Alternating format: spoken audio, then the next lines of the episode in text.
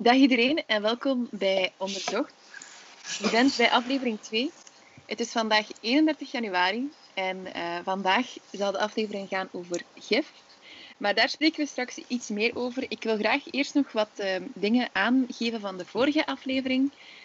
Um, we doen straks een overzicht van de vragen die we in de vorige aflevering onszelf stelden. Uh, maar we hebben al zeker heel veel positieve reacties gekregen van veel mensen. En we zijn daar ook heel blij mee.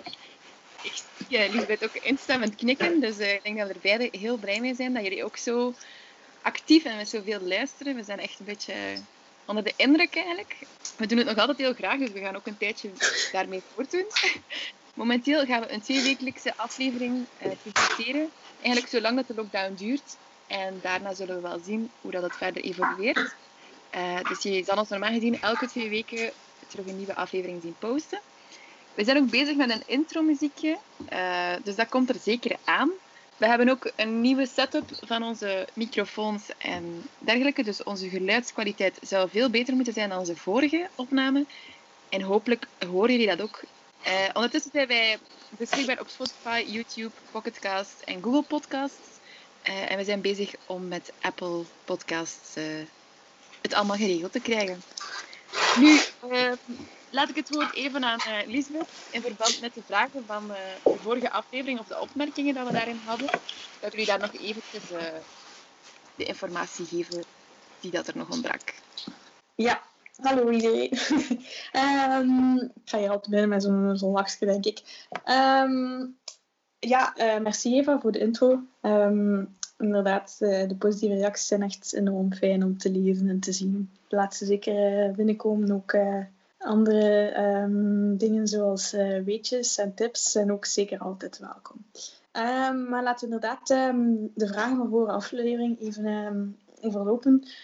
ik ga eerst beginnen eigenlijk met een foutje van mijn kant dat ik heb beseft na de aflevering pas. Ik was bezig over uh, glutamaat, dus die uh, smaakversterker. maar eigenlijk um, is glutamaat. Uh, ik zei dat dat een aminozuur was, maar eigenlijk is dat niet volledig juist. Eigenlijk is het glutaminezuur, het aminozuur, en is glutamaat zout van het aminozuur. En dat betekent dus dat, um, dat er een deel van de moleculen, ik zal er niet te diep op ingaan, um, um, eigenlijk een beetje anders is, waardoor het een zout wordt en geen zuur meer is. Um, dan was er ook, uh, vroeg ik mij ook af, vorige aflevering, hoe het zat met die, um, dus we hadden die smaakreceptoren voor zoet en dan hadden we die voor koolhydraten. en dus de disacchariden, wat wil zeggen twee suikermoleculen die aan elkaar gekoppeld zijn, uh, die smaken we nog steeds met zoetreceptoren. Maar vanaf dan drie suikermoleculen die aan elkaar gekoppeld zijn, gaan we spreken over oligosacchariden, dus meerdere sacchariden. En die uh, smaken we dan al met die, um, uh, met die koolhydraatreceptoren. Hè? Ja, ja. Um, en dan vanaf meer dan vijf spreken we eigenlijk over polysacchariden. Dus het zijn echt gigantische ketens soms van allemaal verschillende suikermoleculen. Ja, dan was er ook de vraag, als we meer smaakpapillen hebben, gaan we dan ook meer ruiken? um, ik heb dat eigenlijk niet echt teruggevonden. Um, maar het is wel dat als je niet ruikt, dat je dan minder smaakt. Dus die um, koppeling is er zeker wel. En de andere, mocht er iemand het weten, laat het ons zeker weten. Um, en dan was er nog uh, een vraag van jou, Eva, denk ik. Over ja, van de, de verbrande tong. tong. Ja. Of dat de smaakpapillen dan kapot zijn, of de zenuwen, of ik weet niet meer hoe het precies uh, hebben geformuleerd. Um, maar dus als, als de tong verbrand is, um, gaan de smaakpapillen een beetje opzwellen. Uh, er kunnen zich ook een blaasje of blaren op de tong voordoen, zoals uh, gewoon op de huid eigenlijk, als soms daar verbranden. En de smaakpapillen raken wel degelijk beschadigd. En je tong kan dan ook wel rood of rauw uitzien. En het gevoel in je tong kan tijdelijk verminderd zijn en tegelijkertijd ook gesmaakt. Ja. Um, dan de Duitse wetenschappers die die uh, bitterheid van die stevia hadden ontdekt. Nee, niet ontdekt, maar de receptoren uh, ja. die bitter smaakt, kwamen van de, ik hoop dat ik het juist zeg, Technische Universiteit van München, de TUM, en de, um, het Germaans Instituut of Human Nutrition Potsdam um, ja, en dan uh, een beetje van een vriend van mij. Hij heet um, Sander. En hij uh, was heel verbaasd over het feit, en hij niet alleen, uh, meerdere mensen hebben ons uh, dat laten weten, dat katten geen zoet smaken. Dus bij heel veel mensen precies wisten daar niet van. Um, en hij zei van, mijn kat eet eigenlijk liever magnums dan cornetto's. En hij dacht altijd dat hij aan de zoetigheid lag. Um, ik heb een keer smakelijk moeten lachen. um, ja, we weten het zelf ook niet goed misschien een hoge ja. vetpercentage wisten het vorige week ook niet goed eigenlijk. Hè. Het zal misschien de romigheid zijn of zo, of weet ik veel, maar ja. ja. Geen dus, idee. Uh, mochten jullie nog kattenweetjes hebben, laat het ons gerust weten natuurlijk. We zijn altijd in voor kattenweetjes. Ja. Oké, maar dan gaat deze aflevering dus over gif en vergif. Uh, het heeft een beetje te maken met de vorige aflevering. In het idee van als je niets meer ruikt of niets meer smaakt, dan kan je natuurlijk jezelf ook wel, of ja, kan je misschien dingen eten die niet meer goed zijn of niet meer houdbaar zijn. En waardoor je eigenlijk jezelf besmet of misschien wel ziek maakt. Um, en van daaruit dachten we, misschien moeten we een aflevering maken over vergif. We vinden dat eigenlijk wel heel interessant, alle twee. Um, en we hebben eigenlijk vandaag gekozen, er zijn ontzettend veel mogelijkheden om zeg maar vergif te, te ja, te indexeren, om zeg maar een... Uh, klassificatie? Ja, een klassificatie te gebruiken. Um, en het punt is dat we gekozen hebben om vandaag eigenlijk een beetje de natuurlijke kant op te gaan van vergif. Dus eigenlijk alles wat eigenlijk een, een plantaardige, een bacteriële oorsprong heeft, maar evengoed een, um, een dierlijke oorsprong of uh, een ja, oorsprong van schimmels of fungi. Dus we hebben het vooral daarover hebben deze week. En volgende week zullen we eigenlijk de tweede aflevering maken daarover. En dan zal het meer over de synthetische variant gaan. Ja, Zo? dus al uh, direct een dubbele aflevering. Hoera. Ja, direct uh, extra's. Voor we beginnen wil ik graag nog even vermelden dat als je met vragen zit over zelfdoding, je steeds terecht kan op de zelfmoordlijn. Op het gratis nummer 1813 of op zelfmoordlijn1813.be. Heb je nood aan een gesprek? Dan kan u 24 op 7 terecht bij Teleonthaal op het nummer 106. U kan ook chatten via www.tele-onthaal.be. Um, Ik laat het woord eventjes aan Lisbeth, zodat zij het begin kan uitleggen. Ja, het is um, in uh, de 16e eeuw zei een, uh, Zwitsers arts, een theoloog, dosis sola facit venenum. Nou, uh, is Latijns voor eigenlijk alle dingen zijn vergif en niets is zonder vergif. De dosering alleen maakt het zo dat een ding geen vergif is. De dosis maakt het gif. Er was Paracelsus, um, ja, dus het arts en theoloog, um, waarbij dat eigenlijk ja, het eerste basisprincipe van de toxicologie, dus eigenlijk uh, het onderzoek naar uh, gif, ja, dat eigenlijk iedere stof schadelijk kan zijn. Dus het gaat echt wel om, de dosis. Hè. Bijvoorbeeld um, in lucht zit zuurstof. we hebben zeker zuurstof nodig, maar bijvoorbeeld in de lucht zit er maar 21% zuurstof uiteindelijk. Als we een hoge dosis zuurstof bij een gewone atmosferische druk, dus gewoon de druk waarin we nu zitten, um, kan er hyperoxie ontstaan. Dus uh, veel te hoge dosis zuurstof. En dat kan schadelijk zijn. Dat kan resulteren in longschade, irritatie aan de ogen en het centrale zenuwstelsel. Wat er soms gebeurt bij duikers. Ehm, en bij een lage druk bijvoorbeeld is 100% zuurstof niet schadelijk. Om maar aan te duiden, die doses zijn zeer belangrijk. We gaan er vandaag zeker ook een paar keer over hebben.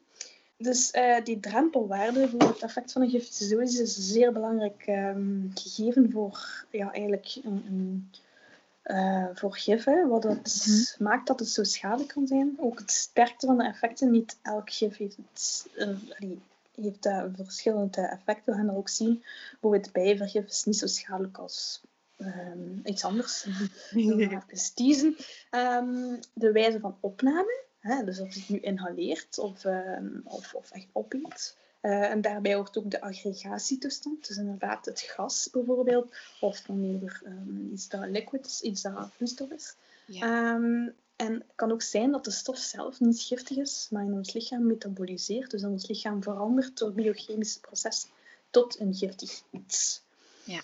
Dan uh, ook een zeer belangrijk iets is uh, de LD50. De LD50 geeft eigenlijk aan de hoeveelheid van de stof die bij 50% van de populatie tot de dood leidt. Mm Dat is de LD50. En ehm, waarom dat, dat eigenlijk ehm, die LD50 wordt aangehouden, bijvoorbeeld, en niet een LD100, waarbij dan 100% van de populatie sterft, um, is eigenlijk omdat er een referentiepunt is dat er voorkomt dat we, ja, dat we eigenlijk mensen massaal gaan moeten testen om, om eigenlijk ja, te weten hoeveel, hoe dodelijk iets is of hoe giftig iets is.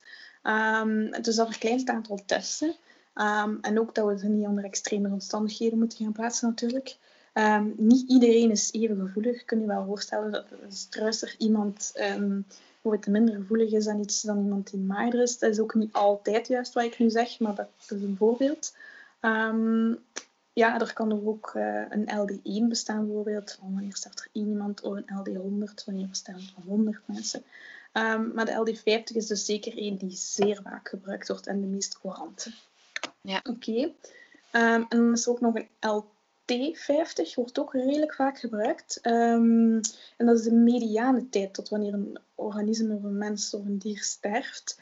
Mm dus met de mediane tijd bedoel je eigenlijk hetzelfde. Hè? Weer die 50% uh, van uh, de populatie is gaan sterven. Dus gift heeft werking in een bepaalde dosis. En daarom dat we ook sommige stoffen in zeer dunne vorm bijvoorbeeld in de geneeskunde gaan gebruiken. Um, we gaan er ook nog over babbelen. Er zijn er ook um, giffen die gebruikt worden als uh, insecticiden of herbiciden, dus tegen kruiden, uh, onkruiden sorry, um, in de landbouw of in, uh, ja, gewoon in uw tuin natuurlijk. en dan zijn er ook veel planten en dieren en bacteriën die giftig kunnen zijn, zoals Eva al aanhaalde en we vandaar ook over gaan hebben. en die bakken dan bijvoorbeeld neurotoxines aan als uh, afweermiddel, tegen bijvoorbeeld opgegeten. Ja. ja, dus die neurotoxines worden gebruikt als een afweermiddel, zodat ze niet worden opgegeten. Maar Lisbeth, wat is een neurotoxine? Een toxine is een uh, complexe organische verbinding hm? um, van biologische oorsprong. En daarmee moeten we wel zeggen dat organisch niet slaat op biologisch, maar op het organische kenmerk van chemische moleculen. Mm -hmm lang verhaal kort, dat zijn um, moleculen die um, koolstof bevatten. Ja. Uh, groepen van koolstof, ja. Um, en dan een neurotoxine slaat eigenlijk op het feit dat het uh, op het centraal zenuwstelsel werkt. Dus neuro ja. staat voor zenuwstelsel. Voilà. Ja. Ik denk dat dat dan al duidelijk is. We gaan, de, we gaan toxines heel vaak vermelden in deze aflevering ook. Het is daarom dat we dat eerst een keer goed uitleggen. Uh, maar ik wil graag nog eventjes een, um, een kleine side note bijgeven. Er is een verschil in het Engels tussen poison en venom. In het Nederlands gebruiken we dat eigenlijk alle twee door elkaar, vergif en gif. Er is niet echt een duidelijk verschil in. Maar in het Engels is er wel een verschil. En volgens biologen gaat de term venom uh, over organismen die bijten of prikken om een toxines te injecteren in iets anders. Met andere woorden, een slang gebruikt zijn giftanden om een toxine in zijn slachtoffer te injecteren. Terwijl de term poison dan weer gaat over organismen die hun toxines laten vrijkomen als jij hen opeet. Bijvoorbeeld heel veel amfibieën, zoals een pijlgifkikker, uh, maar ook sommige salamanders, die hebben gif in hun huid zitten. Dus als die eigenlijk worden opgegeten door een ander dier, dan laten die pas hun toxines vrij. Dus er is eigenlijk een verschil tussen poison en venom. Met andere woorden, poison is een aanvallingsmechanisme, denk ik dan. Uh, terwijl Venom eigenlijk een beschermingsmechanisme is. Ik denk dat we zo het best kunnen uh, het verschil uh, duiden. Maar ik vond dat wel specifiek dat ze dat in het Engels een mooie verschillen hebben, terwijl bij ons is dat gewoon allemaal gif. Ja. Zullen we maar beginnen? Um, onze eerste opdeling is eigenlijk de bacteriële oorsprong. En hier vaak worden er toxines gevormd. Dus de toxines waar we het over net hadden, hier is ondertussen van belang. De eerste waarover ik het wil hebben is eigenlijk tetanus. Je kent allemaal zowel het verhaal van als je jong bent, oh nee, je hebt in een uh, roeste nagel gestapt of, of je hebt een, uh, een oude draad vastgehacht met van die prikkeldraad. Um, dan is er meteen paniek dat je misschien tetanus zou kunnen hebben. Als kind dacht ik altijd van, ah oei, je mocht dus niet die roeste dingen aanraken, want daardoor krijg je dus tetanus, maar dat is dus niet het geval. het is eigenlijk een bacterie die zich vaak ver, een beetje verhult of, of die zich daar daar vaak op zit, die zit vaak in straatvuil en in onder andere ook bepaalde vuile dingen. Maar het is een beetje een misconceptie dat dat altijd in roesten eh, nagels of roeste ehm, draden zit. Eh, maar dat is eigenlijk die bacterie, die Clostridium tetani, die toxines veroorzaakt, waardoor je net ziek kan worden. Je kan ook eventueel krijgen van een dierenbeet, dus het is niet altijd het vuil zelf, maar het kan even goed iets anders zijn. Maar we worden hiervoor ingeënt als kind. En ehm, normaal gezien is de laatste keer zelfs een derde secundair onderwijs. En daarna moet je het eigenlijk tienjaarlijks vernieuwen. Dus ik heb onlangs, ja, onlangs een jaar geleden, uh, zei mijn huisarts, ah, jij moet een uh, herinneringsspuit hebben voor tetanus. Uh, en ik zo, ah, oké. dus let daarop. Misschien toch een keer kijken in uw, um, in uw boekje van injecties of vaccins, wanneer de laatste keer was. Maar indien dat die infectie zich wel manifesteert, dus als die uitkomt, dan kan je dus spierkrampen krijgen en dit zou de ademhaling kunnen blokkeren, waardoor je dus eigenlijk kan overlijden. de LD50-waarden waren dan um, Elisabeth het over had, waaraan zeg maar 50% van de populatie overlijdt, zou ongeveer 2,5 tot 3 nanogram per kilogram lichaamsgewicht zijn. Dat klinkt een beetje absurd. Uh, we gaan heel vaak spreken over aantal nano- of microgram, of misschien zelfs milligram, per kilogram lichaamsgewicht. Maar dat is eigenlijk omdat we... We kunnen wel een algemene ja, veronderstelling nemen van het, het, aantal kilogram lichaamsgewicht dat we over babbelen. Maar zo kan je het eigenlijk ook voor jezelf uit, uh, uitrekenen. Dus misschien uh, is dat wel eens interessanter dan altijd gewoon een aantal milligram of nano. Ja. Mijn laatste spuit was, um, ik denk tijdens mijn uh, studie... Allee, ik denk, het was tijdens mijn studieperiode. Um, ik, moest, ik heb mijn stage gedaan bij de bio-ingenieursfaculteit. En we werkten daar ook met ja, allerlei soorten bacteriën en um, ook stoelgang uh, ja, uitwerpselen. Dus um, daar moest nou wel enorm tegen beschermd zijn. En toen heb ik ook uh, een extra prik moeten krijgen daartegen. dus uh, het is niet altijd tienjaarlijks. Soms wordt het ook een beetje uh, zo doorgaan om zeker te zijn ja. dat... Ja, inderdaad. Van wat dat je blootgesteld wordt. Maar... Ja, inderdaad. Um, dan nog zo'n een schadelijke bacterie. Um, botulinetoxine is ook uh, een neurotoxisch, neurotoxisch gif dat die um, bacterie Clostridium botulinum um, ja, uitscheidt. Um, maar we kennen dat eigenlijk beter als botox. botox wordt dus eigenlijk een zeer lage concentratie van dat uh, toxine ingespoten in je, ja, bijvoorbeeld in je voorhoofd, om dus rimpels uh, tegen te gaan. eigenlijk is botox een merknaam. We hebben ook andere bijvoorbeeld Bocotur, Azalur, uh, Xeomin, Vistabel in die sport. Om het even mooi te zeggen. Um, en uh, als we dat inspuiten, dat gaat eigenlijk het signaal van de zenuw naar de spierstel en dat creëert een verlamming. Medisch wordt het ook gebruikt tegen spierverlamming. Dit is niet onschuldig. Het immuunsysteem kan erdoor lam gelegd worden of door overgeprikkeld worden. Um, maar terug over naar het gif. Um, het is een van de meest potente uh, gifstoffen eigenlijk die er is. Het heeft een LD50 van 0,2 nanogram per kilogram. Ik heb dat even uitgerekend. En dat is een halve milliliter op een Olympisch zwembad. Dat zijn 10 drupjes. Dus oké, okay, dat wordt zodanig, je wordt over de botox gesproken, yeah. wordt zodanig geconcentreerd, um, geconcentreerd omgekeerd, uh, zodanig opgezuiverd, maar toch denk er een keer binnen. als je dat uh, toch eens wilt gebruiken. Um, is ook als biologisch wapen gebruikt. Um, yeah. Japan, de VS, Duitsland, Sovjet-Unie en Irak. Allee, onderzocht, niet gebruikt, sorry. Um, in de VS werd het genaamd Agent X, omdat uh, de afkortingen van het botuline-toxine ook wel eens BTX wordt genoemd, of BTX. Um, het is trouwens nooit gelukt uh, om een aanslag te plegen, want uh, de de kost om te produceren is veel te hoog, zowel menselijk als qua labo-materialen.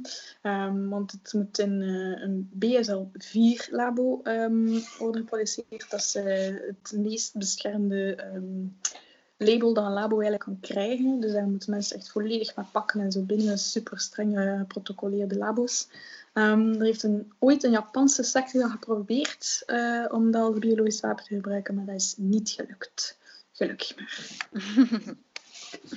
ja, en dan heb ik nog een, um, een laatste. Er zijn er nog sowieso veel meer. Hè. Wij, wij kiezen gewoon zeg maar, de meest uh, interessante of belangrijkste volgens ons. Uh, maar ik wil het graag eventjes hebben over anthrax. Uh, je hebt waarschijnlijk vaak in, in het nieuws, of ja, vaak al enkele keer in het nieuws gehoord van een, um, een antraxbrief, of misschien wel een poederbrief. Die worden vaak verstuurd naar bekende mensen, vaak politici. Uh, eigenlijk meestal door mensen die ze eigenlijk niet zo leuk vinden natuurlijk. Antrax is eigenlijk een poeder, of het wordt vaak als poeder gebruikt. En dat is een infectie die veroorzaakt wordt door de, de bacterie Bacillus anthracis. En ook die bacterie veroorzaakt opnieuw toxines. Uh, de ziekte komt vooral eigenlijk normaal gezien voor bij runderen, geiten en schapen en kan normaal gezien niet overgedragen worden van mens tot mens. Maar toen vroeg ik mij af, hoe komt dat poeder daar dan? Als dan hebben ze dan gewoon zeg maar, die toxines daarin gestoken. Maar nee, uiteindelijk zijn dat sporen van die, van die, um, die bacterie.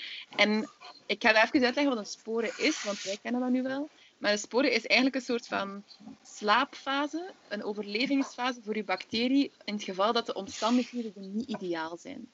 Met andere woorden, als er te weinig eten is, als er te weinig vocht is, um, als er te weinig, ja, niet juist die temperaturen zijn, dan gaat hij eigenlijk in een soort van survival mode. En dat zijn eigenlijk die sporen. Dus hij maakt die aan om te overleven, zodat hij achteraf terug kan opleven.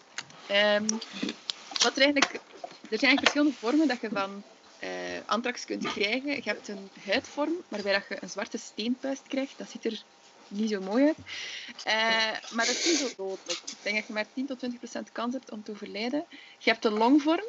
En daarbij krijg je een zware longontsteking. En daar is eigenlijk de, de kans op, op overlijden behoorlijk groot. Um, en je hebt dan ook de systemische vorm. Dat is eigenlijk als je het opeet. Maar dan moet je eigenlijk al de bacterie zelf opeten bijna. Uh, en dat komt eigenlijk minder dan 1% van de gevallen voor. Maar dus de longvorm verloopt heel snel fataal en is heel moeilijk te herkennen omdat het een, uh, een aspecifiek griepachtig beeld krijgt. Met andere woorden, je krijgt zoals symptomen van griep, dat is niet helemaal duidelijk. En ook, um, dat poeder is eigenlijk kleur- en geurloos. Vandaar dat het eigenlijk zo'n favoriet en ideaal um, ja, ideale uh, vergif zou zijn, omdat je er niet veel van kunt zien en, en weten. Je ziet alleen dat het een poeder is. Dus dat wordt vaak ook verstuurd naar van die bekende mensen. En ik denk zelfs, Lisbeth, dat het verstuurd was naar Obama. Ja. Uh, ja.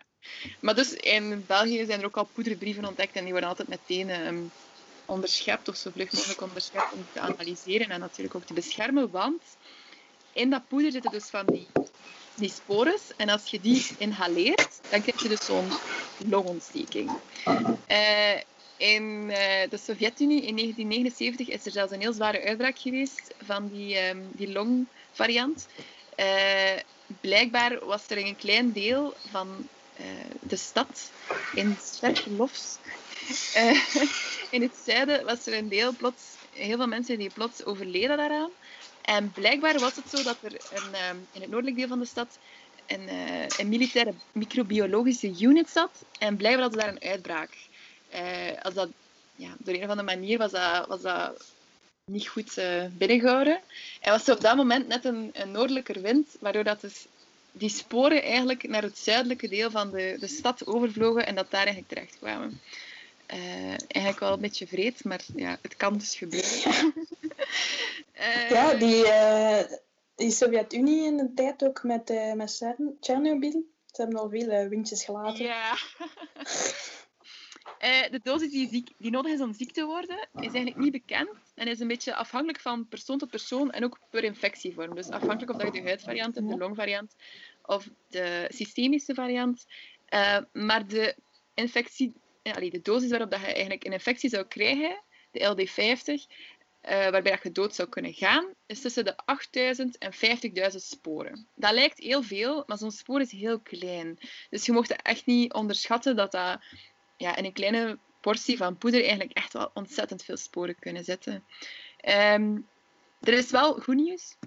Je kunt het behandelen met een antibioticum natuurlijk, maar het hangt er dus vanaf hoeveel dat je ervan hebt binnengekregen, welke variant er is en hoe snel dat men erbij is. Want als het eigenlijk al te ver gaat, ja, dan kun je eigenlijk wel heel snel overlijden. Um, er zijn vaccins voor mensen die echt een hoog risico hebben, die daar vaak mee te maken, uh, of die in contact komen, bijvoorbeeld in, uh, in Amerika heb ik al gelezen dat er daar ook allee, vaccins worden voor toegediend voor mensen die met heel veel met runderen of met, uh, ja, met geiten en schapen samenwerken, dat die dat dan wel kunnen krijgen. Maar eigenlijk, het meeste deel van de bevolking heeft daar geen last van, dus dat krijg je normaal gezien ook geen nee. vaccin Misschien moeten we wel eens al die bekende politici dan ehm, gaan injecteren.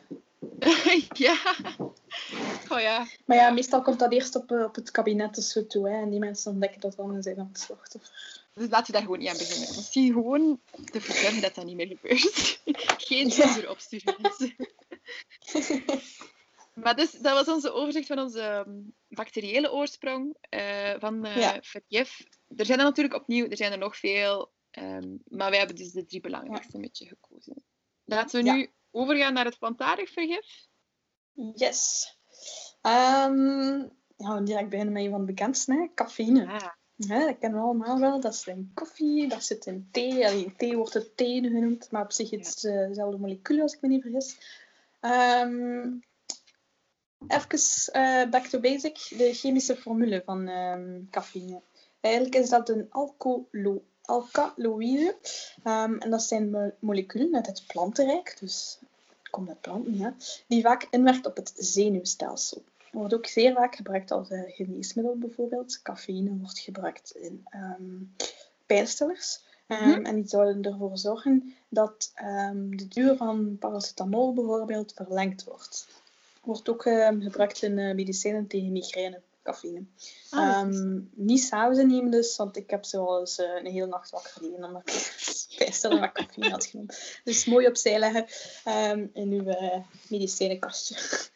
Ehm, dus eh, een alkaloïde is een secundaire plantstof. Dat wil zeggen dat dat dus niet nodig is voor de primaire stofwisseling van de plant.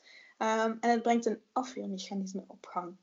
Ehm, dat wil zeggen, ehm, als bijvoorbeeld een insect aan een plant komt vreten, ehm, en die krijgt dat, ehm, dat alkaloïde in, dat werkt eigenlijk als afweer. Dus dan gaan ze er minder snel terug van gaan eten. Het werkt dus eigenlijk als een soort natuurlijk ehm, insecticide. Ja.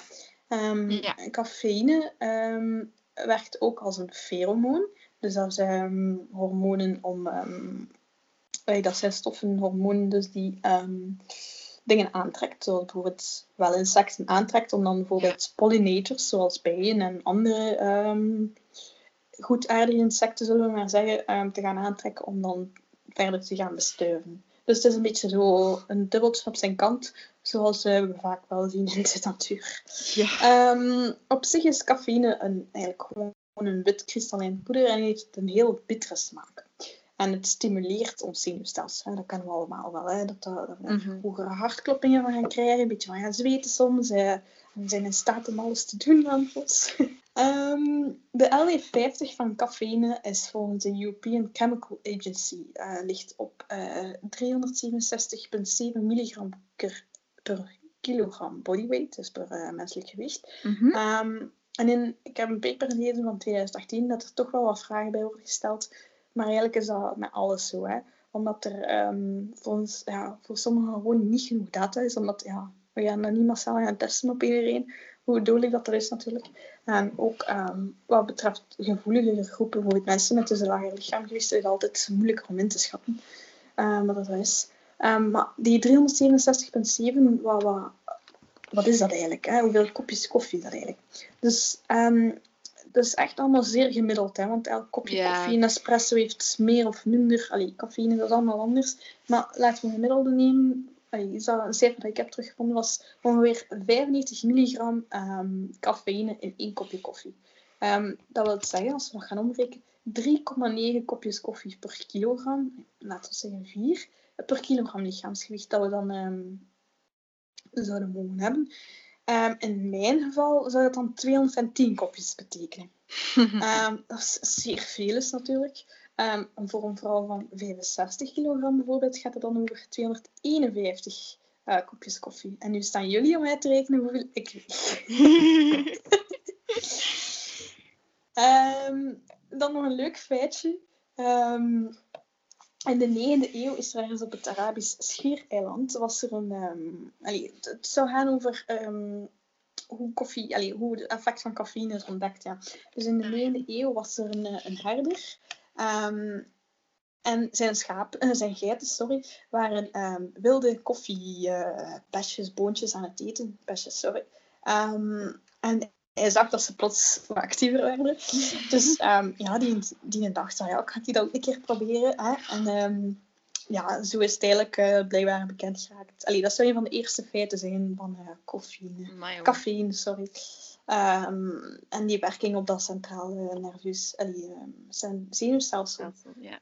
um, van cafeïne. Ja. Dat is wel al vroeg, hè? Allee, als je het zo bedenkt, dat je dat zo door hebt, dat dat een effect heeft al in de negende... Vond ik cool. En zei jij begon, ja, begon hij dan meer te springen? Of, of had hij dan nog meer besjes? Of, je weet het Enfin, van uh, besjes uh, en eigenlijk cafeïne over naar uh, planten. Um, ik zou het graag hebben over curare.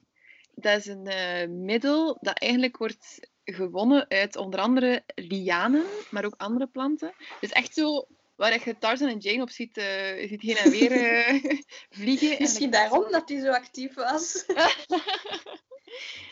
maar die uh, curaria is eigenlijk een middel dat daaruit wordt gewonnen. En als we kijken naar uh, Centraal- Zuid-Amerikaanse inheemse stammen, gebruiken ze zo van die blaaspijltjes. Je hebt dat sowieso al gezien in film, je kent dat wel. En het geeft dat ze eigenlijk op de punt van die blaaspijltjes ja, zeg maar strijken of, of in doppen, dat is eigenlijk curare. Um, en je weet dat als, als een beest wordt geschoten met zo'n blaaspijltje, dan gaat hij vaak, ja, ofwel is hij gewoon wel verlamd en kan hij niet meer uh, springen of zo, ofwel um, gaat hij effectief direct dood, maar die kans is behoorlijk klein. Maar dus het gif bevat eigenlijk een bestanddeel waaronder D-tubocurarine, en die gaat eigenlijk de prikkeloverdracht van de zenuw aan je skeletspier onderbreken. Met andere woorden, die gaat zich binden op die receptor van die spier zonder dat die geactiveerd wordt. Als je spier geactiveerd wordt, dan gaat die spier eigenlijk samentrekken. Zo kunnen we hem gebruiken. Maar als daar een blokkage op zit, dan kan die spier niet meer gebruikt worden. Waardoor je eigenlijk ja, een spierverslapping gaat krijgen. Dat werkt net hetzelfde als uh, botulinumtoxine eigenlijk. Hè? Ja, dat werkt ook uh, in op uh, de spieren en zorgt voor verlamming. Ja spieren eigenlijk. Um, Maar uh, de synthetische variant van curari wordt ook gebruikt in onze, uh, eigenlijk in de medische wereld. Dus als je eigenlijk in een operatie zit of als je onder beademing bent, kan het zijn dat ze een spierverslapper nodig hebben. En dan kan het zijn dat ze eigenlijk een synthetische variant van curari gebruiken. Natuurlijk niet in die dosis dat dat extreem gevaarlijk is. Ze gebruiken daar een veel lagere dosis van. Um, en in Nederland wordt dat ook gebruikt voor euthanasie. Um, in België wordt thiopental gebruikt. En eigenlijk is dat een uh, middel waarvan dat je eerst in slaap valt en na ongeveer een tiental minuten zou je ademhaling stilvallen. Um, ze gebruiken ook wel spierontspanners, maar er, ik vond niet meteen terug welke dat exact was. Dus het zou wel kunnen dat curari wordt gebruikt, maar volgens mij gebruiken ze misschien ook wel gewoon andere Dus een spierverslapper en een spierontspanner zijn eigenlijk hetzelfde, Ja. Als niet is. Ja. Ja, ja. ja, ik zou niet weten waarom. ja, ik zou, ik zou het ook denken, ja. ja. Maar het is wel goed dat je het aan, aankaart. Um, maar de exacte dosis van curare waarbij dat je zou overlijden, dus die L350-dosis, die is eigenlijk niet gekend. Je zal met aan het opzoeken, Lisbeth? um, ik ben aan het opschrijven uh, of een spierverslapper hetzelfde is als een spierontspanning. Ah, nou, inderdaad. Dus kunnen we dat de volgende keer beantwoorden. Antwoorden. Oké, okay, dan um, heb ik eigenlijk uh, nog wel wat uh, planten of, of, natuurlijke bronnen van gif. Um, eentje daarvan is opium. Je kent dat misschien wel beter onder uh, de afleiding van morfine en heroïne. Uh, maar opium is eigenlijk het ingedroogd melksap van de bol van op een papaverplant. Je hebt dat misschien wel al een keer gezien, dat zo een, groene stengel, daar zit zo op het einde een bol aan. En dat is eigenlijk de slaabol van de papaverplant. En daarin zitten enkele alkaloïdes, zoals dat uh, Lisbeth net heeft uitgelegd. Zoals codeïne, dat kent je ook van hoestiroop, soms wordt dat daaraan toegevoegd. En morfine, maar nog andere alkaloïdes hoor. Uh, wat zijn verslavend, hè? Ja, ja, dat zijn de twee meest bekende. Ja. Um, en met de chemische bewerking kan je van morfine heroïne maken. Je doet daar een acetylering in. We kunnen het gerust uitleggen, maar dat is niet voor. Uh, dat... Mijn uh, eerste les uh, organische chemie, dus zoals ik net al zei, dat zijn vooral moleculen met die koolstofverbinding. Ik ging, was effectief één grote slide met daarop hoe we van heroïne naar morfine gingen. En ja, super cool om daarmee te beginnen natuurlijk. Hè. Niet dat ik mij daar nog veel aan herinner, maar ja, dat wel. Feitje man. Um, dus het is mogelijk. Dat is dan om te zeggen, je moet er niet zelf aan beginnen, maar het is dus een pure synthetische chemische bewerking. Ehm, het zorgt dus eigenlijk, de opium zorgt eigenlijk voor een onderdrukking van je ademhalingsstelsel. En meestal is dat niet meteen levensbedreigend. Want als je denkt, ja, goh, je bent wel rustiger aan het ademen en, en je, je kunt misschien niet zo gemakkelijk ademen, dat is niet meteen dat je dan doodgaat. Dat zorgt wel voor een lagere zuurstofspanning in je bloed. En de lagere zuurstofspanning zorgt eigenlijk voor dat je sneller begint te braken, dus begint over te geven. En als je dan al minder bewust bent, wat dan mensen die heroïne of, of morfine misschien soms nemen, um, kan het zijn dat ze beginnen over te geven en daardoor eigenlijk het braaksel ingeademd wordt. En daardoor gaan ze eigenlijk stikken. Dus eigenlijk op zich zal die morfine of die heroïne niet meteen dodelijk zijn, maar dat eigenlijk het gevolg zijn dat eraan komt. Dat uh, bij veel um, drugs zo is, ja, hè? Ja, bij ja. veel uh, overdosissen is dat inderdaad het geval. Um, dat ze dat dus eigenlijk bijvoorbeeld gaan combineren ja. ook met alcohol of andere drugs en dat dat daarom meer voor um, ja, de dood zorgt dan, dan de stof op zich. Ja, de stof op zich. Oké, okay, een volgende dat we ook heel goed kennen is nicotine. Dat is ook een alkaloïde. Je kent dat natuurlijk van uh, het roken. Uh, het komt voor in grote dosering in de tabaksplant Nicotiana tabacum. Uh, ik vond het wel grappig dat het echt zo nicotine tabak was. Als je dat zo die plant bekijkt. Um, in principe zou een fatale dosis kunnen liggen op 500 milligram. dat is heel veel als je een volledige sigaar zou opeten, zou dat eigenlijk een peuter kunnen doden. Maar enkel als hij hem opeet. Dus ik zie dat niet direct gebeuren. Uh, maar een nicotinevergiftiging... Nee, dat is ook echt zeer bitter, hè? ik weet dat niet. Dus... Enfin, is dat niet? Ik weet dat niet. Ik dacht dat het ook zeer bitter was, nicotine. Ja. Uh, een nicotinevergiftiging kan leiden tot overlijden Um, omdat hij natuurlijk opnieuw verlamd wordt in de ademhaling en bindt zich zoals curare opnieuw aan de receptoren van de skeletspieren. Uh, het is moeilijk om dus in zo met te overdoseren, zeker als je maar gewoon rookt. Maar ik heb daar nog een leuk feitje bij. Um, het zit ook in bepaalde mate in bepaalde groenten, vooral nachtschadige, en onder andere in tomaten, aubergine en paprika. En er heeft een onderzoek geweest dat als je deze groenten zou eten, een verlaagde kans krijgt op Parkinson. Dus dat je minder grote kans hebt dat je Parkinson zou krijgen.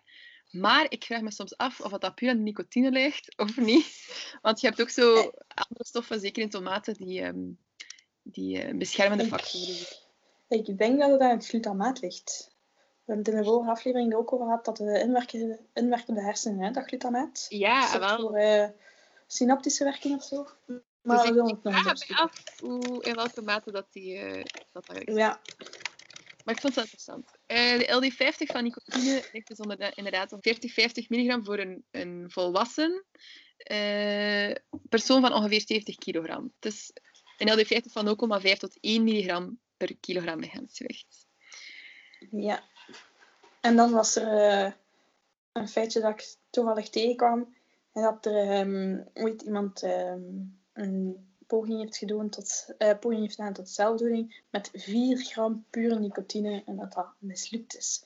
Dus daaraan, die LD50, sommige mensen zijn er heel gevoelig aan, anders niet. Maar 4 gram ja. lijkt me echt extreem veel. Ik vraag mij ook af of dat ze hebben gevonden hebben, ze maar hebben die gevonden. Dus ja, je kunt dat ook allemaal niet weten. Hè. Uh, ja. In welke mate dat dat kan. Maar je moet inderdaad, uh, alles is relatief. Uh, het is moeilijk om het zomaar zwart op wit te zeggen, inderdaad. Ja, dan um, nog een redelijk bekende, um, misschien iets minder bekend, ik weet het niet. Um, ricine. komt van de wonderboom op de castorolieplant. Castorolie kennen jullie misschien wel, wordt vaak gebruikt in zeep, allee, om zeep van te maken of, of gewoon als huidolie. Um, daarbij belangrijk is, de, resine zit niet in de olie, want die resine is wateroplosbaar. Um, dus dat kan niet in die olie zitten omdat het niet in olie oplost. Mm -hmm. de resine blokkeert vooral de eiwitsynthese. Um, er zijn nog andere uitwerkingen, maar dat is de voornaamste. Dus bij de eiwitsynthese worden geen eiwitten aangemaakt, de sterven gaan afstellen en mensen gaan dan ook uiteindelijk um, daaraan sterven. Um, het is een glycoproteïne. Een glycoproteïne, dus het, het woord zegt zelf glyco, staat eigenlijk voor een suikermolecuul. En proteïne staat dus voor eiwit. Uh, het is meestal dodelijk door inhalatie. Um, maar ook uh, door ingestie, dus door het op te nemen. En de inhalatie um, letale dosis, uh, dus de LD50, is 3 tot 5 microgram per kilogram, maar soms ook, wordt ook 22 microgram per kilogram genoemd. Ik zeg dat verschilt zeer vaak. Um, maar de orale uh, dosis ligt dus hoger, uh, 20 milligram per kilogram. Um, en dat wil eigenlijk zeggen dat een zoutkorreltje van die ricine genoeg kan zijn om iemand te doden. Dus ook een zeer potent gif. Um, nog even vermelden, milligram is dus hoger dan microgram. Ja, dus, ja. Um, het, het, het inhaleren hier is veel schadelijker dan het opnemen. Ja. nog eentje, strychnine. misschien niet zo bekend bij naam, maar wordt veel gebruikt in modder en in rattenvergif. Vroeger althans. Um, want uh, nu is dat bijna niet meer uh, verkrijgbaar, mm -hmm. omdat het zo schadelijk is. Um, het is ook een alkaloïde. Um, het zijn verschillende planten, maar voornamelijk de braaknoot. Um, het is uh, een glycine-agonist. Een agonist is een signaalstof voor de activiteit van de enzymen of receptoren in een celmembraan. Dus eigenlijk moeilijk uitleg, maar eigenlijk um, veroorzaakt het een, eh, een, epileptisch effect, dus een overactiviteit van bepaalde glycine-neuronen. Mm En um, de spierontspanning die um, na een samentrekking komt, dus als je samentrekt en daarna kunt ontspannen, die wordt eigenlijk gedeactiveerd en dat veroorzaakt eigenlijk soort spierspannen en spierkrampen. en de LB50 van die strychnine is 1,5 uh, tot 2 milligram per kilogram. Ja, bij vrij hoog. inname of bij inhalatie? Ik denk inname, maar ik weet het zelf ook niet meer. We gaan het opzoeken. ja, dan zitten we eigenlijk aan de dierlijke al. Um, daar ook zijn er ontzettend veel dieren die natuurlijk um, een, uh, een, afweermechanisme hebben met gifsoorten. Ik spreek over spinnen, schorpioenen. Maar zelfs het mannelijke vogelbekdier die heeft sporen in zijn voeten om gif af te vuren. Ik vond dat echt hilarisch toen ik dat ontdekte. Is dat ook niet dat hij zoiets zijn anus, zijn kringspieren, dat kan. bepaalde um, pheromonen heeft of zo en dat, dat zou rekken naar vanille of zoiets? Ja. Ah ja, dat kan wel, dat weet ik niet. Oh, maar dus, opzoeken. ik heb vooral de, de, eigenlijk de, de twee meest gekende en belangrijkste uh, dieren genomen. Um, allee, drie eigenlijk hebben we er genomen. Uh, dat we meest in contact hebben, dat we meest van horen. Uh, dat we meest zien als, als een gevaar ook voor de mens. Natuurlijk, elke, elk dier heeft zeg maar, een afweermechanisme tegen zijn vijand. Maar ja, of dat je daar dan dood van gaat of niet, dat is maar de vraag. Dus we hebben eigenlijk gewoon de drie meest voorkomende en belangrijkste uh, diersoorten genomen die voor ons als mens uh, giftig kunnen zijn. Uh, het eerste was eigenlijk de slang. Ik had een tijdje geleden een, een, filmpje gezien van hoe snel dat het bloed stoot als je daar slangengif bij doet. Ik vond dat heel benauwelijk om te zien. en dat dat echt wel extreem is. Ja. En schift dat ook? Of stolt het echt? het stolt echt. Het wordt echt kleine klontertjes. Ah, ja. En, ah, maar ja, dat is ook een soort van schrift. Ja. Schriften, omdat er inderdaad in twee, als je het in een glas zou doen, ja. dat het in twee, allee, als het er twee lagen zijn eigenlijk. Uh, maar er worden eigenlijk allemaal kleine klontertjes gevormd. Maar ik dacht toen, ah, elk slangengif werd op die manier, dacht ik. Mm -hmm. Maar nu, na onderzoek te doen voor de, de, podcast, heb ik dus ontdekt dat er drie soorten mogelijkheden zijn. Um, je hebt een neurotoxisch gif, en dat belemmert opnieuw weer die spieren, dus die skeletspieren, zoals we net ook al verschillende keren hebben aangehaald. Het hemotoxisch, dat is eigenlijk net bloedverdunnend of bloedstollend. Dus je hebt twee mogelijkheden daarin. Ofwel stoot je bloed, ofwel gaat je bloed verdunnen, waardoor dat er een andere stof die daar ook in zit, en dat je sneller tot de desbetreffende organen komt. Uh, want uh, je hebt ook een cytotoxisch mogelijkheid en daar uh, bijvalt eigenlijk gewoon het gif de spierimpulsen van het hart specifiek aan. Dus er kan zelfs een combinatie zijn van de drie. Uh, er kunnen ook nog andere uh, verteringsproteïnen in zitten. Met andere woorden, dat, u, um, dat, eigenlijk dat er uh, enzymen en proteïnen in zitten, waardoor er eigenlijk al een, een, vertering gebeurt op voorhand. En dat is eigenlijk handig voor slangen, dat eigenlijk een, een, ja, een slachtoffer eigenlijk al aan het verteren is voordat die die moeten opeten. Want je weet dat die die in één keer opeten, dat dat niet, dat dat niet, de, dat dat niet veel uh, kou aan te pas komt. Um, dus ja, die, hebben, die moeten eigenlijk al een beetje van een ja, enzymen inspuiten, zodat die, dat die vertering eigenlijk op voorhand al een beetje kan doorgaan. Dus ik vond dat eigenlijk wel interessant om te zien dat er verschillende mogelijkheden waren. Um, er is geen duidelijke LD50 bij, omdat ook dat afhankelijk is eigenlijk van ehm, welk gif dat we over spreken. Plus, er kunnen wel, ik heb ergens gelezen dat er 50 tot 200 uh, elementen in zo'n gif kunnen zitten. Ehm, dus het is een heel allee, dat is een heel complexe materie, uh, om dat eigenlijk allemaal uit te zoeken. Dat is ook een uh, heel interessant onderdeel in de wetenschap, om daar even over bij te lezen. Ik heb daar echt mijn ogen in uitgekeken. Uh, maar ik vond het wel speciaal dat er verschillende mogelijkheden waren. En ik heb onlangs ook een artikel gelezen over het feit, je hebt ook zo van die slangen die, die zo rechtkomen van die cobra's, en die dan zo spuiten naar u. Um, ik heb onlangs ontdekt dat er dus onderzoek werd gedaan naar hoe dat, dat eigenlijk ontwikkelt is, puur uh, evolutionair gezien. En ze vermoeden dat um, dat eigenlijk puur op basis van pijn is ontwikkeld. En het grappige is dat er ook verschillende varianten in zijn, maar die eigenlijk alle drie met, uh, met hetzelfde effect werken. Dat je eigenlijk een verlamming krijgt van je ogen, dat is eigenlijk de bedoeling. Of een pijn daarvan, waardoor dat je eigenlijk niet meer in staat bent om de slang zelf aan te vallen. Uh, ik vond het wel grappig, omdat ik zo niet had nagedacht over het feit dat slangen ook wel kunnen spuiten op een afstand. En dat dat zelfs tot twee meter kan. Ik dacht echt, wow, dat, is wel... Uh... Dat is echt gestoord. ja, als, je, ja. als je geen grote prooi hebt, dan moet je wel weg kunnen spuiten natuurlijk. Ja, en uh, er is zelfs een theorie dat, dat, dat de mens daar wel nog een keer iets mee te maken zou kunnen hebben, puur evolutionair gesproken. Omdat wij ook recht zijn en onze ogen naar voren zijn gericht. Dus mm -hmm spuwende um, ja, cobra's of, of, slangen, die, uh, die hebben nauwelijks effect op, op um, dieren waarbij de ogen aan de zijkant zitten. Omdat die meestal recht voor hun spuiten. Dus dan komt dat gif eigenlijk niet in ogen terecht. Of toch niet zo goed als dat ze willen. Dus eigenlijk gaat het vooral over dieren die hun ogen naar voren staan. Daarvoor is eigenlijk het, het, het handigste um, dat je spuit, kunt spuiten met je gif naar iemand op twee meter afstand. Ik vond dat wel grappig. Iets anders.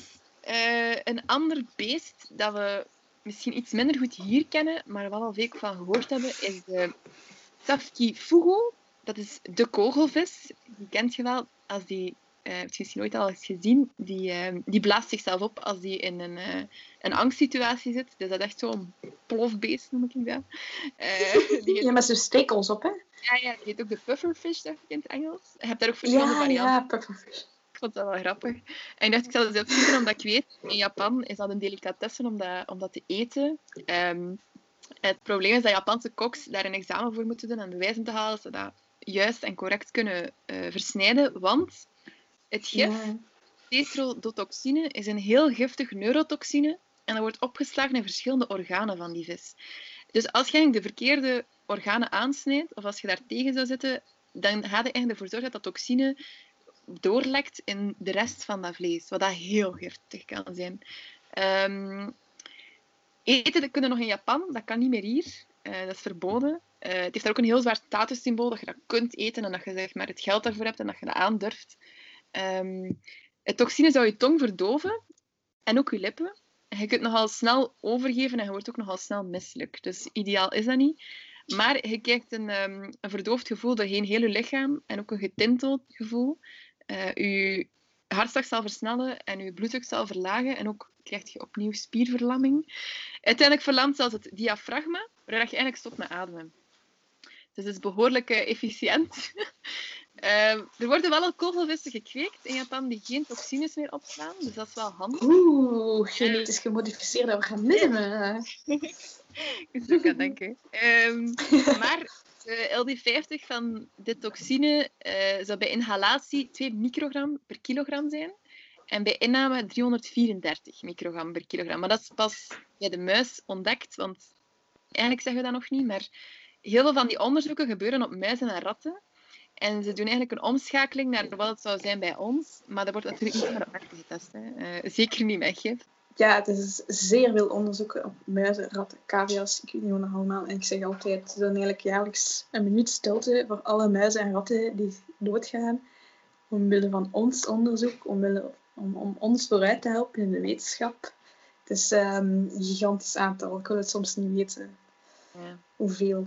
Het is, heel uh, moeilijk, hè? die ethische kwestie tussen ja, ja. wat ons helpt en, en, wat we ervoor moeten aandachten van schade soms. Ja, ja niet ideaal. Inderdaad.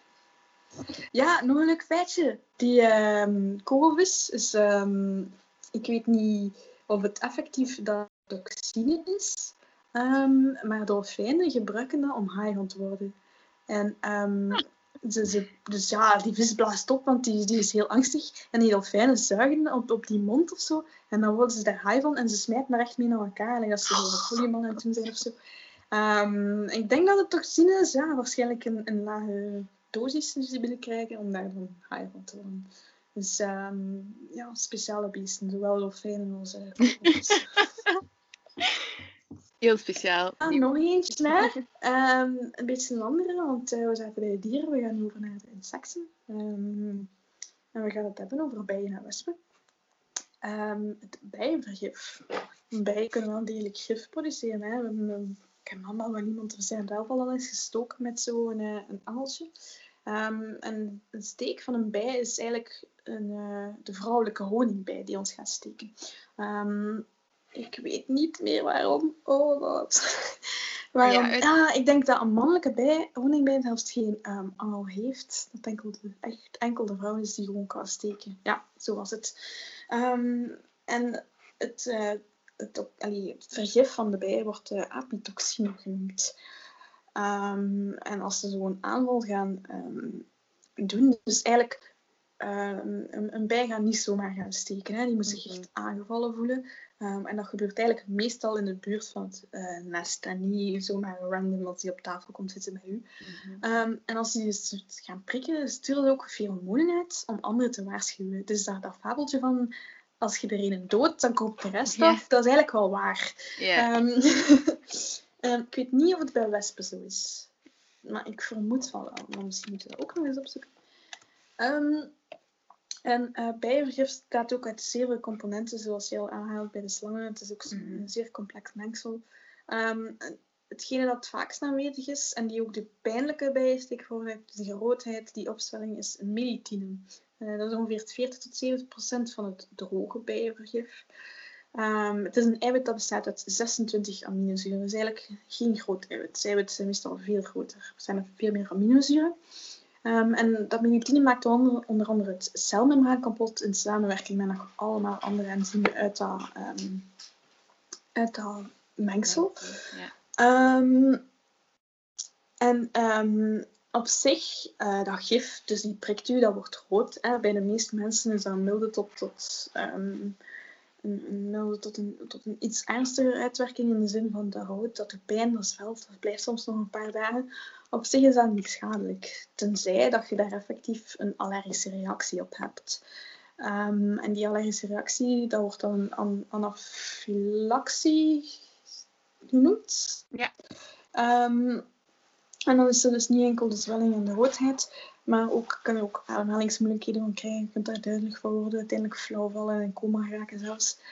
Um, het, het frappante daaraan is, mensen worden niet zomaar allergisch aan uh. Er zullen wel mensen zijn die daarvan zichzelf mhm. al allergisch zijn. Maar het zijn vaak mensen, zoals bijvoorbeeld imkers, die vaak gestoken worden en daardoor het immuunsysteem in gang zetten en daardoor allergisch worden op, uh, op dat bijgif.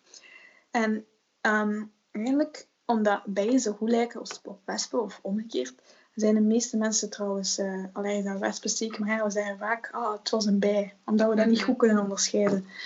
Um, en wat dat daarbij kan helpen, is uh, een immunotherapie.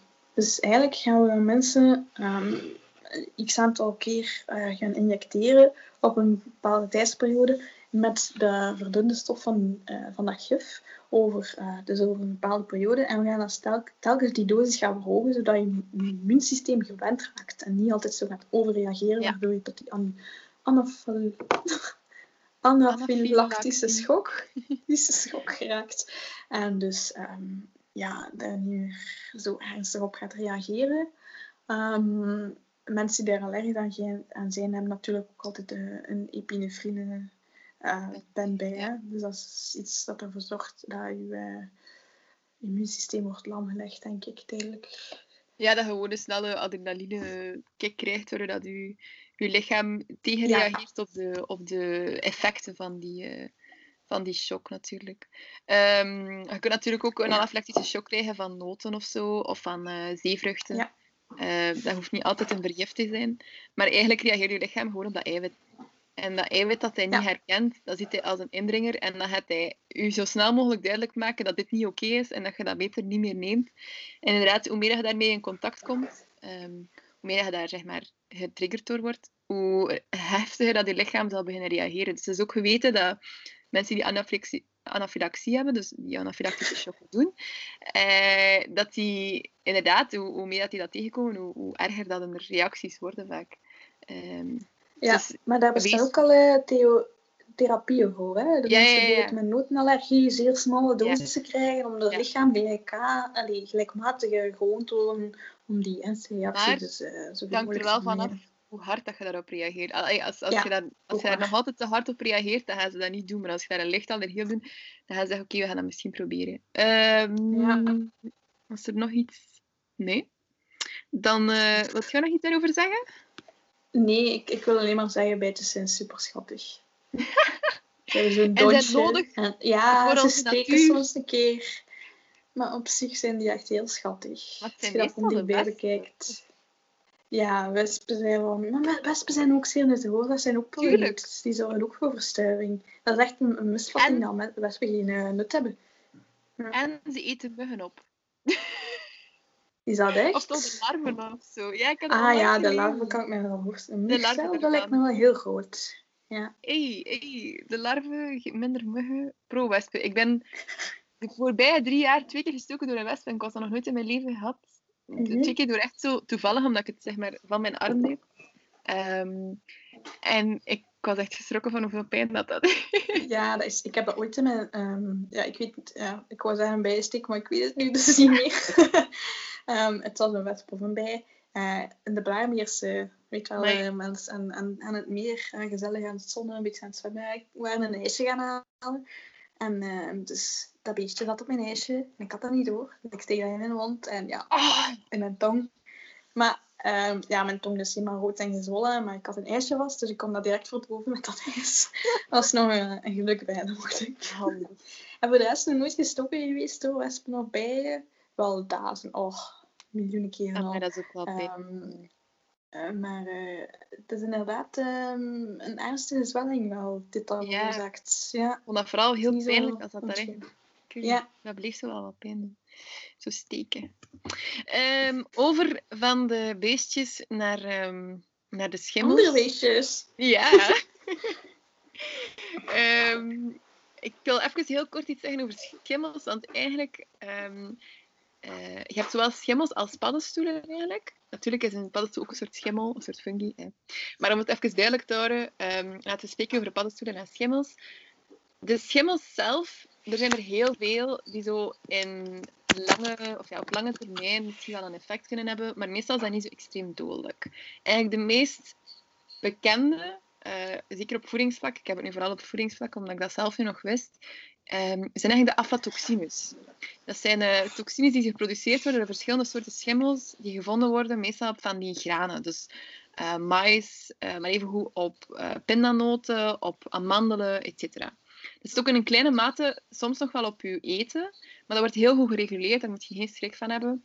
Ehm, en de belangrijkste schimmels die dat eigenlijk produceren, zijn eigenlijk de Aspergillus flavus en de Aspergillus parasiticus. Die zijn meestal te vinden in zo warme, vochtige regio's. Het is niet echt hier, jammer genoeg, warm is het hier niet. Ehm, en die zijn meestal ook niet meteen dodelijk. Maar het gaat meestal over periodes van lange blootstelling, dat dat wel een kankerverwekkend effect kan hebben, of een vertraagde groei, of leverproblemen. En dat gaat dan vooral over kinderen eigenlijk. Ehm, omdat ze minder lichaamsgewicht hebben en dat ze dus ook minder nodig hebben om een effect te krijgen. Met andere woorden, het kan, maar het zal zeker hier niet zomaar gebeuren. En het is die mate dat. Ehm, dat, hey, ik heb ehm, zeer veel eh, op, op school zeer veel analyses gedaan op voeding en dergelijke. Mhm. En ehm, ik weet ook van eh, vrienden die in bedrijven werken, dat daar allemaal zeer streng op gereageerd wordt. Dus dat wordt echt wel ja, ja. eh, wekelijks getest op, ehm, op schimmels, op bacteriën. ehm, en dat moet echt wel aan een bepaalde... Dus weer al die dosis, hè, aan een bepaalde dosis voldoen. En als dat over die dosis is, mag dat niet in direct komen. Of wordt dat uit de rechter gehaald. Voilà. Dat gebeurt wel eens. Ehm, dus laat ons allee, niet te... Paranoia worden. ja, paranoïde. Ja, paranoïde worden. Zeg het altijd een beetje omdat we hebben nu heel veel verteld en je denkt misschien van, oh nee, dat of oh nee, dat. Maar het meeste wordt hier zo intens gereguleerd, je kunt je dat niet inbeelden. En zeker in onze contraien, ik spreek daarom niet over, ik wil niet uitspreken over andere contraien, maar hier en, en, zeker zo dingen van de VS en al, er wordt ook heel veel gereguleerd en gecheckt ook gewoon. Die raken gewoon niet zomaar buiten met gelijk wat. Um, er zijn natuurlijk verschillen op, maar we gaan spreken over, allee, alles is, is beschermend. Het zal niet schadelijk zijn. Ze zullen daar echt wel mee rekening houden. Wat er wel schadelijk kan zijn, dat zijn sommige paddenstoelen. Uh, ja, er is zo uh, heel veel te doen om, om paddenstoelen die, die, uh, die bepaalde psycho, psychocerebine zouden hebben of zo, die dus een bepaald effect zouden krijgen op een, op een hallucinerend vlak. Maar er zijn ook heel wat paddenstoelen die giftig kunnen zijn. Um, daarom het punt, ga nooit zomaar zelf paddenstoelen gaan plukken. er bestaat zo'n gezegde. Er zijn mensen die oud worden en paddenstoelen uh, plukken. En er zijn mensen die durven en paddenstoelen plukken. Maar er bestaat niet zoals een gedurfde oude paddenstoelenplukker. Met andere woorden, ofwel gaat de vroeg dood en zijn te gedurfd, ofwel worden oud, maar durfde misschien niet zomaar gelijk welke paddenstoel plukken. Ik vond dat een heel schone. Um, maar de meest dodelijke, het zijn er dus heel veel die dodelijk kunnen zijn, um, want zij werken ook opnieuw met toxines, maar de meest dodelijke is eigenlijk de groene knolanamniet. Wordt ook wel de death angel of de death cap genoemd in het Engels. Um, ehm, 30 tot 50 gram kan eigenlijk al genoeg zijn voor een vergiftiging van uw lever. Uh, de LD50 is dan ook 0,1 milligram per kilogram lichaamsgewicht. En dat zou eigenlijk neerkomen ongeveer op 21 milligram dat je moet binnen hebben. Met andere woorden, één rijstkorrel. Ik spreek niet over één rijstkorrel van, qua hoeveelheid van een, een, um, een paddenstoel, daar gaat het niet over. Maar over eigenlijk puur het gif. Eén rijstkorrel daarvan kan eigenlijk al voldoende zijn. En als je een stoel hebt 30 tot 50 gram weegt, kun je eigenlijk, je eigen lever al vergiftigen. Uh, het mycotoxine alpha-amitine blokkeert de eiwitsynthese in je lichaam, waardoor je eigenlijk gewoon ervoor zorgt dat je niets meer kunt maken qua eiwitten. Uh, wat ze daar wel kunnen tegen doen, stel nu dat, dat er iets zou gebeurd zijn, uh, dat er iemand toch zin heeft om een paddenstoel te eten en je denkt toch van, dit is echt niet oké. Daar zijn altijd uh, hulplijnen voor. Um, maar ze geven nu meestal uh, actieve kool en ze gaan ook hun maag leegpompen. En ze gaan heel veel vocht toevoegen, zodat dat toxine via de nieren wordt afgevoerd. Dus ja. doe het niet, maar er zijn wel opties mogelijk. Moest het echt, echt fout lopen. Dus uh, ja, ja, het is niet die mij. Ja, even zeggen, actieve kool is eigenlijk um, ja, houtskool. Ja, een, een ja, een, een deel van houtskool, zeg maar. Um, en dan, dat neemt zeer veel op, dat is zeer poreus. En dan neemt zeer veel um, ja, gifstoffen in het lichaam, toxines op. Um, en dan voert dat dan uh, mee af. ja, dat, is een heel, dat wordt al vaker gebruikt in, zo, in ja. dan iets dat hebben ook uh, nemen als supplement. Uh, ik weet niet of dat effectief zoveel helpt om je beter te voelen. Alles is relatief. Ja, En ons kattenfeit, jij vroeg... Ja, kattenfeitjes. Een, een kattenfeit. Ik ga mijn best doen om elke keer een kattenfeit te vinden. Um, ik heb ze ten opzoeken. Uh, we weten allemaal dat chocolade en zo echt niet gezond is voor dieren. En weet ik veel allemaal. Um, maar uh, het zotste van al, met die lockdown zeker, hebben heel veel mensen planten in huis gehaald. En ik ook. En uh, een van die planten dat ik, dat ik had gekregen via een actie was de Diffenbachia. En ja, je kent die misschien wel. Je hebt het al eens gezien met die mannen opzoeken. Dat is gewoon een kamerplant, maar blijkbaar is die giftig voor katten. Uh, toen was ik aan het babbelen met een, iemand dat kent die dierenarts is. En ze zei, goh, eigenlijk het meest, wat we het meest zien en wat eigenlijk nog veel giftiger is, is eigenlijk een lelie. En ik dacht, huh, nooit van gehoord. Dat lelies giftig zijn voor katten. Dus ik heb het opzoeken en blijkbaar kunnen die echt van nog maar gewoon wat stuifmeel binnenkrijgen. Dat die echt al nierproblemen kunnen krijgen, gewoon van enkel aan die ja, wat stuifmeel zeg maar, te, ja, op te lekken, of ik weet het niet. Dat die echt heel snel nierfalen kunnen krijgen. Dat die echt binnen de drie uur beginnen braken, diarree beginnen krijgen, echt sloom beginnen worden, geen eetlust meer hebben. En die zelfs binnen de 18 uur al meer denken aan plassen en dan echt beginnen uit te drogen. Um, het is niet de bedoeling dat je meteen die kat opgeeft. Er zijn zeker nog mogelijkheden. Maar ik zou zeggen, als je een, een, een lelie in huis hebt, let daar toch mee op. En probeer dat toch ofwel te verwijderen en iemand cadeau te geven die geen dieren in huis heeft. Dat is misschien nog handiger. Eh, want je weet natuurlijk nooit wanneer dat, dat beest daar aan zou zitten dat je het niet weet. Want een kat is natuurlijk, die springt overal op en onder. En ja, je zit daar niet constant met die ogen op. Hè. Uh, dus, uh, Hangt ook af van kat tot kat. Hè. Onze kat hier uh, eet echt niks op. Ah, ja, de kat van mijn ouders eet heel graag uh, tracena's. Ah, Uh, zit er heel vaak op te knabbelen. Maar ja, de, de, kattentoren staat er ook naast. ja, ja. Dus dan zit hij daarop en...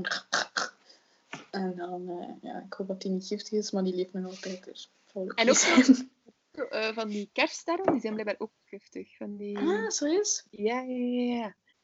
Dus uh, het is maar dag twee. Ja. Maar uh, ja, dat was onze aflevering over uh, natuurlijk Ja. denk ik. Dat is Eh, super interessant, hè? Ja, mega. Ja, echt zot. Volgende week wordt ook heel interessant. Ja, dan. Maar heel veel ideetjes voor synthetisch vergif eigenlijk. Hè? Ja. En uh, ik denk dat we moeten blijven herhalen. Het gaat uh, inderdaad over dosis. En um, het is niet omdat iets natuurlijk is dat het zoveel beter is soms. Mm -hmm. um, dus ja, het hangt allemaal van, van dosis en van plant tot plant, van dier tot dier, van mens tot mens. Het is zo persoonlijk en zo ingewikkelde materie soms. Um, maar heel interessant, ja. Ja, dan denk ik dat we kunnen overgaan naar ons afsluitend deel, de weetjes. Ja, de weetjes. ja, um, ik had een, uh, een artikel gezien op Sporza. En um, daar zeiden ze, een DNA-analyse zegt wat je moet eten en welke sport je moet doen. Ik was getriggerd.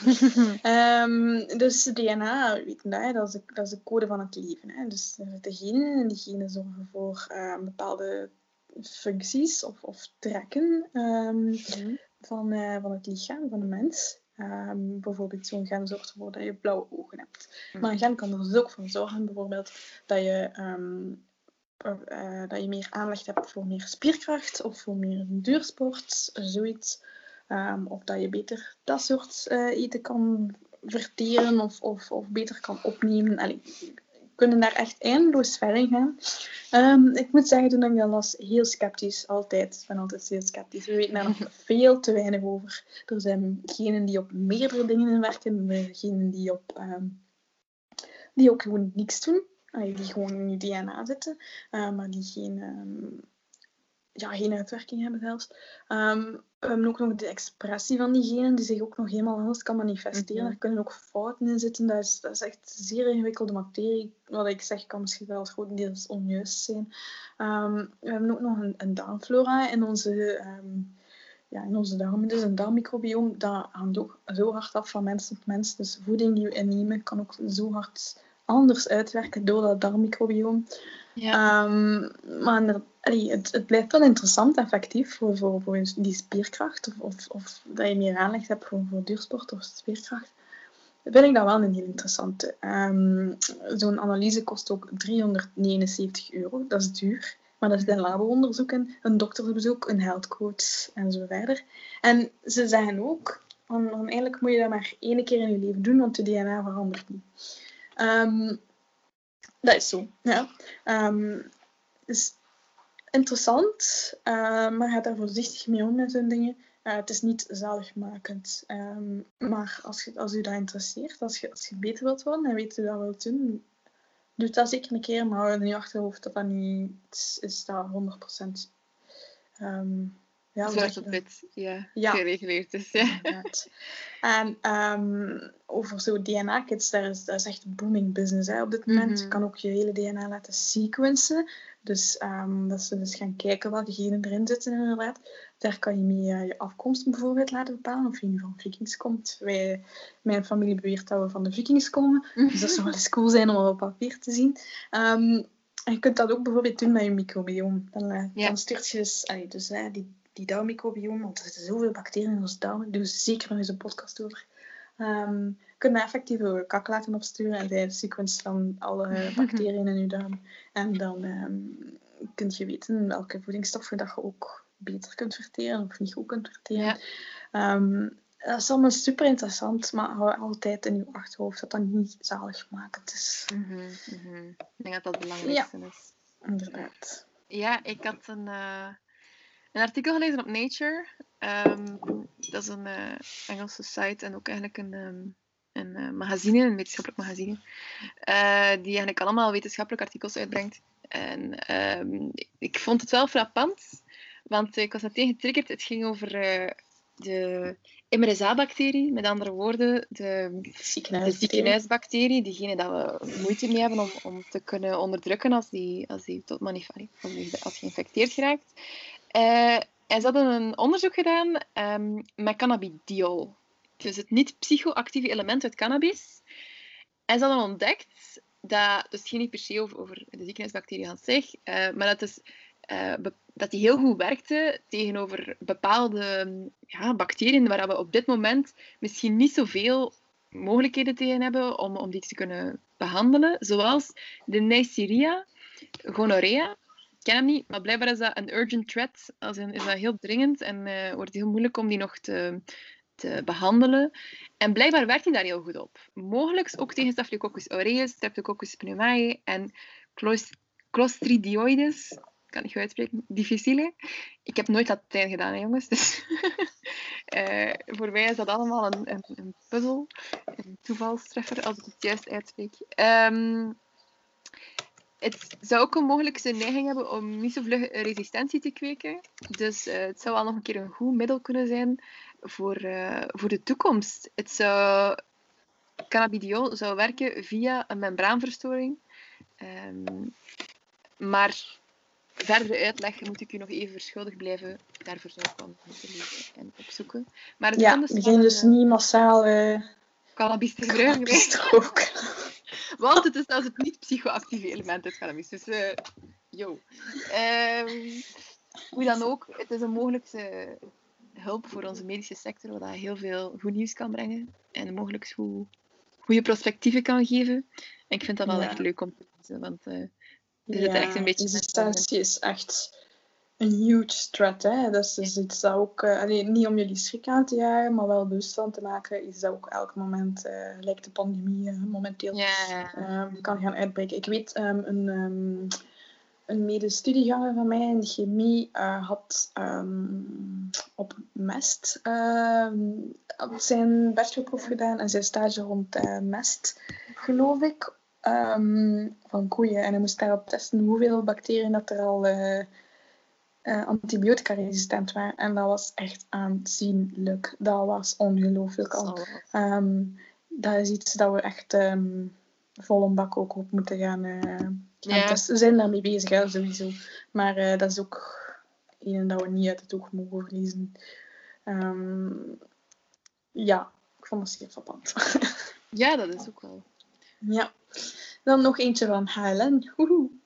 Dus uh, niet altijd de moeilijke bronnen, maar ook soms gewoon gemakkelijkere bronnen, zoals ik vorige keer al zei. Um, dus ja, um, we weten allemaal, uh, vaccins zijn volop uh, in omloop momenteel. Um, heel veel discussies over. Maar ook heel veel nieuwe technologieën die we daarbij gebruiken. Hè. Dus mRNA-vaccins zijn iets nieuws. En blijkbaar gaan Moderna en um, BioNTech um, zijn aan het werken uh, met die mRNA-vaccins tegen nieuwe, nee, sorry, tegen andere aandoeningen. Zo werkt Moderna aan een vaccin tegen seizoensgriep, uh, het Nipah-virus en HIV. seizoensgriep, dat kennen we allemaal, hè? elk jaar krijgen we daar een prikje voor, maar doordat dat virus zodanig verandert en muteert jaarlijks, is er eigenlijk geen homogeen vaccin voor. Dus dat zou misschien kunnen veranderen met het vaccin. Het Nipah-virus is um, een beetje zoals um, het, het, het, ja, het SARS-CoV-2-virus. Um, ehm, in die zin van het, heeft, het is geen uh, coronavirus, mm -hmm. denk ik. Maar het is wel een virus dat lokale uitbraken al heeft gehad een paar keer. Ik denk in Afrika. En dat dus ook wel een, een global threat zou kunnen zijn die te gaan muteren en zich verder gaan verspreiden. Um, en HIV is een zeer moeilijk omdat het een retrovirus is. En dus ook continu muteert en verandert. Ja, dus dat ja. zijn echt heel veelbelovende um, vaccins eigenlijk. Ja. Um, en het HIV-vaccin heb ik gelezen dat in de eerste fase van de klinische studies. Dus dat, uh, dat betekent dat dat op een zeer kleine testgroep wordt uh, getest momenteel. Ik ben enorm benieuwd hoe dat, dat gaat verder lopen.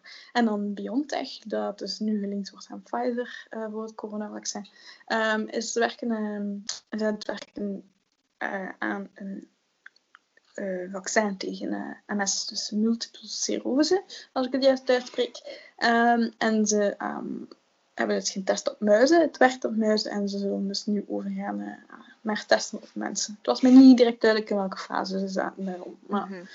Het ziet er dus ook uh, veelbelovend uit. Hè. Ja, ja, heel interessant. Heel goed nieuws. Ja. Moest dat allemaal inderdaad uh, goed komen, dat zou tof zijn. Um, ik heb nog een dingetje gevonden, nog een studie onlangs. Uh, het was niet zo onlangs, het was al een beetje ouder, al een maand ouder, dacht ik. En uh, blijkbaar zijn het voor het eerst microplastics gevonden in de placenta van ongeboren baby's. Ik schrok daar wel wat van. Uh, omdat dat toch wel al heel vergaand is. Uh, dat is niet meer gewoon in onze weefsels, maar echt al in de placenta. Um, zowel aan de kant van de mama eigenlijk, als aan de kant van de baby. Dus geen specifieke kant, want je hebt daar twee kanten aan. Um, waarin dat de microplastics zich zouden focussen. Maar ze hebben dus inderdaad gekleurde partikeltjes gevonden van zo echt zo, ja, met zo van die minuscule wel, hè, maar zo inderdaad dat duidelijk wezen dat dat ook echt van ja, moet wel bijna industriële afkomst zijn, of, of zeg maar de plastic dat wij gebruiken. Dat er echt verschillende kleuren in zaten ook. Um, en dat het dus eigenlijk echt wel heel zorgwekkend is, omdat we niet goed weten wat dat aan het doen is en, en dat we ook niet goed weten wat er mee gebeurt. We gaan er ook nog een aflevering over doen, over microplastics en, en dergelijke. Uh, over eigenlijk wat er met ons uh, lichaam, wat dat allemaal doet. Dus dat is een heel interessante uh, extra informatie. Dus we kunnen alleen maar oproepen om, om om zoveel mogelijk water van de kraan te drinken en zoveel mogelijk plastic uh, te vermijden waar het kan. Uh, en waar het natuurlijk veilig is, want voor corona is dat natuurlijk allemaal wel een pak moeilijker. Maar uh, we proberen de afweging te maken van waar is het veilig en waar niet. dus ik probeer zoveel mogelijk richting de waterkraan te duwen, wat dat zeker safe is, want het wordt genoeg gecontroleerd. Je moet daar geen zorgen in maken. Ja, water wordt veel strenger gecontroleerd dan met fles water. Veel ah. strenger. Ja. Vandaar... Ik drink altijd water van de kraan. Ja, wij, wij, kopen al lang geen uh, flessen meer. Ook geen frisdrank, dat is dan onze eigen keuze. Uh, en wij filteren dat gewoon. En uh, ja, niets mis mee. Mm -hmm. Geldbesparend. Ja, kan alleen maar aan. ja, hetzelfde. Ja, en dan een laatste feitje, denk ik. Mm -hmm. um, Antibiotica beïnvloedt de groei van kinderen. Uh, verwondert mij niks. Um, er zijn ook heel veel uh, studies um, die zeggen dat antibiotica. Uh, ja, onze, ja, we leven nu eenmaal samen met miljoenen bacteriën in ons lichaam. En um, als we daar antibiotica op gaan afvoeren, gaan we niet alleen die slechte, maar ook die goede gaan doden. En dat heeft een uitwerking op ons lichaam, punt. maar hoe vroeger dat we dat eens gaan gebruiken, hoe, ja, ik zou niet zeggen slechter, maar hoe meer dat, dat ons, onze levensloop gaat beïnvloeden. Bijvoorbeeld, um, er zijn ook al wat studies gekend dat um, als we vroeg antibiotica gebruiken, dat we meer vatbaar zijn voor astma later, of diabetes later. Um, ik geloof ook depressie, dat dat ook al iets uh, is dat wordt uh, aangeduid, maar ik ben niet zeker van die laatste. maar nu dus uh, blijkbaar ook op de groei. Um, En het ging vooral over baby's. Bij meisjes niet, omdat dat, um, dat ze liggen aan de hormonen, blijkbaar. Um, dus de babyjongens die antibiotica kregen, hadden een ander darmmicrobioom. En dat resulteerde in dikker worden. Hè. Dus dat is ook weer een beetje mhm. gerelateerd aan die diabetes op langere termijn. En dus minder groei. ze hebben dat ontdekt aan de Universiteit van Turku uh, in Finland. Ik spreek het waarschijnlijk verkeerd uit, sorry. En de Bar Ilan University of um, Azri. uh, faculteit van Medicijn. Ik spreek het waarschijnlijk compleet verkeerd uit. Maar um, um, het is dus een samenwerking tussen de universiteit in Finland en in Israël. Ja. En die beweren niet om te stoppen met antibiotica, maar uh, omdat dat wel zeer belangrijk is. Hè? Ja, als een mhm. kind, als heel veel wij geïnfecteerd zijn met iets, om overlevingskansen te verhogen. Maar um, om de focus te leggen op probiotica, dat wil dus zeggen dat we gaan ons um, lichaam weer gaan, um, gaan inzetten om die goede bacteriën die we wel nodig hebben, om dus die groei weer te gaan uh, stimuleren. En dat ik al een beetje ga eh, vermijden. Ja. Ehm, ja, we doen daar sowieso ook nog een podcast over. Ja. Veel te interessant. Ehm, ik denk dat darmen en ehm microbiome ons, eh, zeggen ze dat? Een beetje een stokpaardje is, ons, onze ja. fetish. Dat klopt. We zijn alle twee enorm geïnteresseerd en ik heb er ook mijn stage gedaan. Eh, dus ik ga daar zeker nog over babbelen. Eh, ja, dat was het denk ik. Ehm, Dat ik was het. hier. Wij bedanken jullie voor jullie aandacht en om te luisteren naar Ja. de tweede aflevering. Volgende keer is eh, deel 2 van eh, het gif, dan vooral het synthetische deel. Eh, en het minerale deel ook, daar komt er nog in door. Ja. We hopen dat je het toch wel interessant vond. Laat zeker iets weten wat je ervan vond. ehm, waar we aan kunnen werken, wat dat dingen zijn dat je wilt dat we behouden. Eh, we proberen kattenfeitjes er blijvend in te steken. Ook een Ja, zeer uitdaging, belangrijk. Ik zal mijn best doen. En ehm, ja, we hopen dat jullie eh, weer iets hebben bijgeleerd. En dat jullie uh, samen Ja. laat ons ook zeker eh, feitjes of eh, weetjes eigenlijk van jullie zelf weten. Ja, Eh, dat is echt super leuk om te lezen en om eh, te weten dat jullie daar ook mee bezig zijn. Ja. Ja. Dat maakt ons toch iets minder nerdy dan ons op zal voelen. iets meer verbonden. ja. Alright. Oké, Eh, ja, bye bye. Tot de volgende keer. Dag. Doei.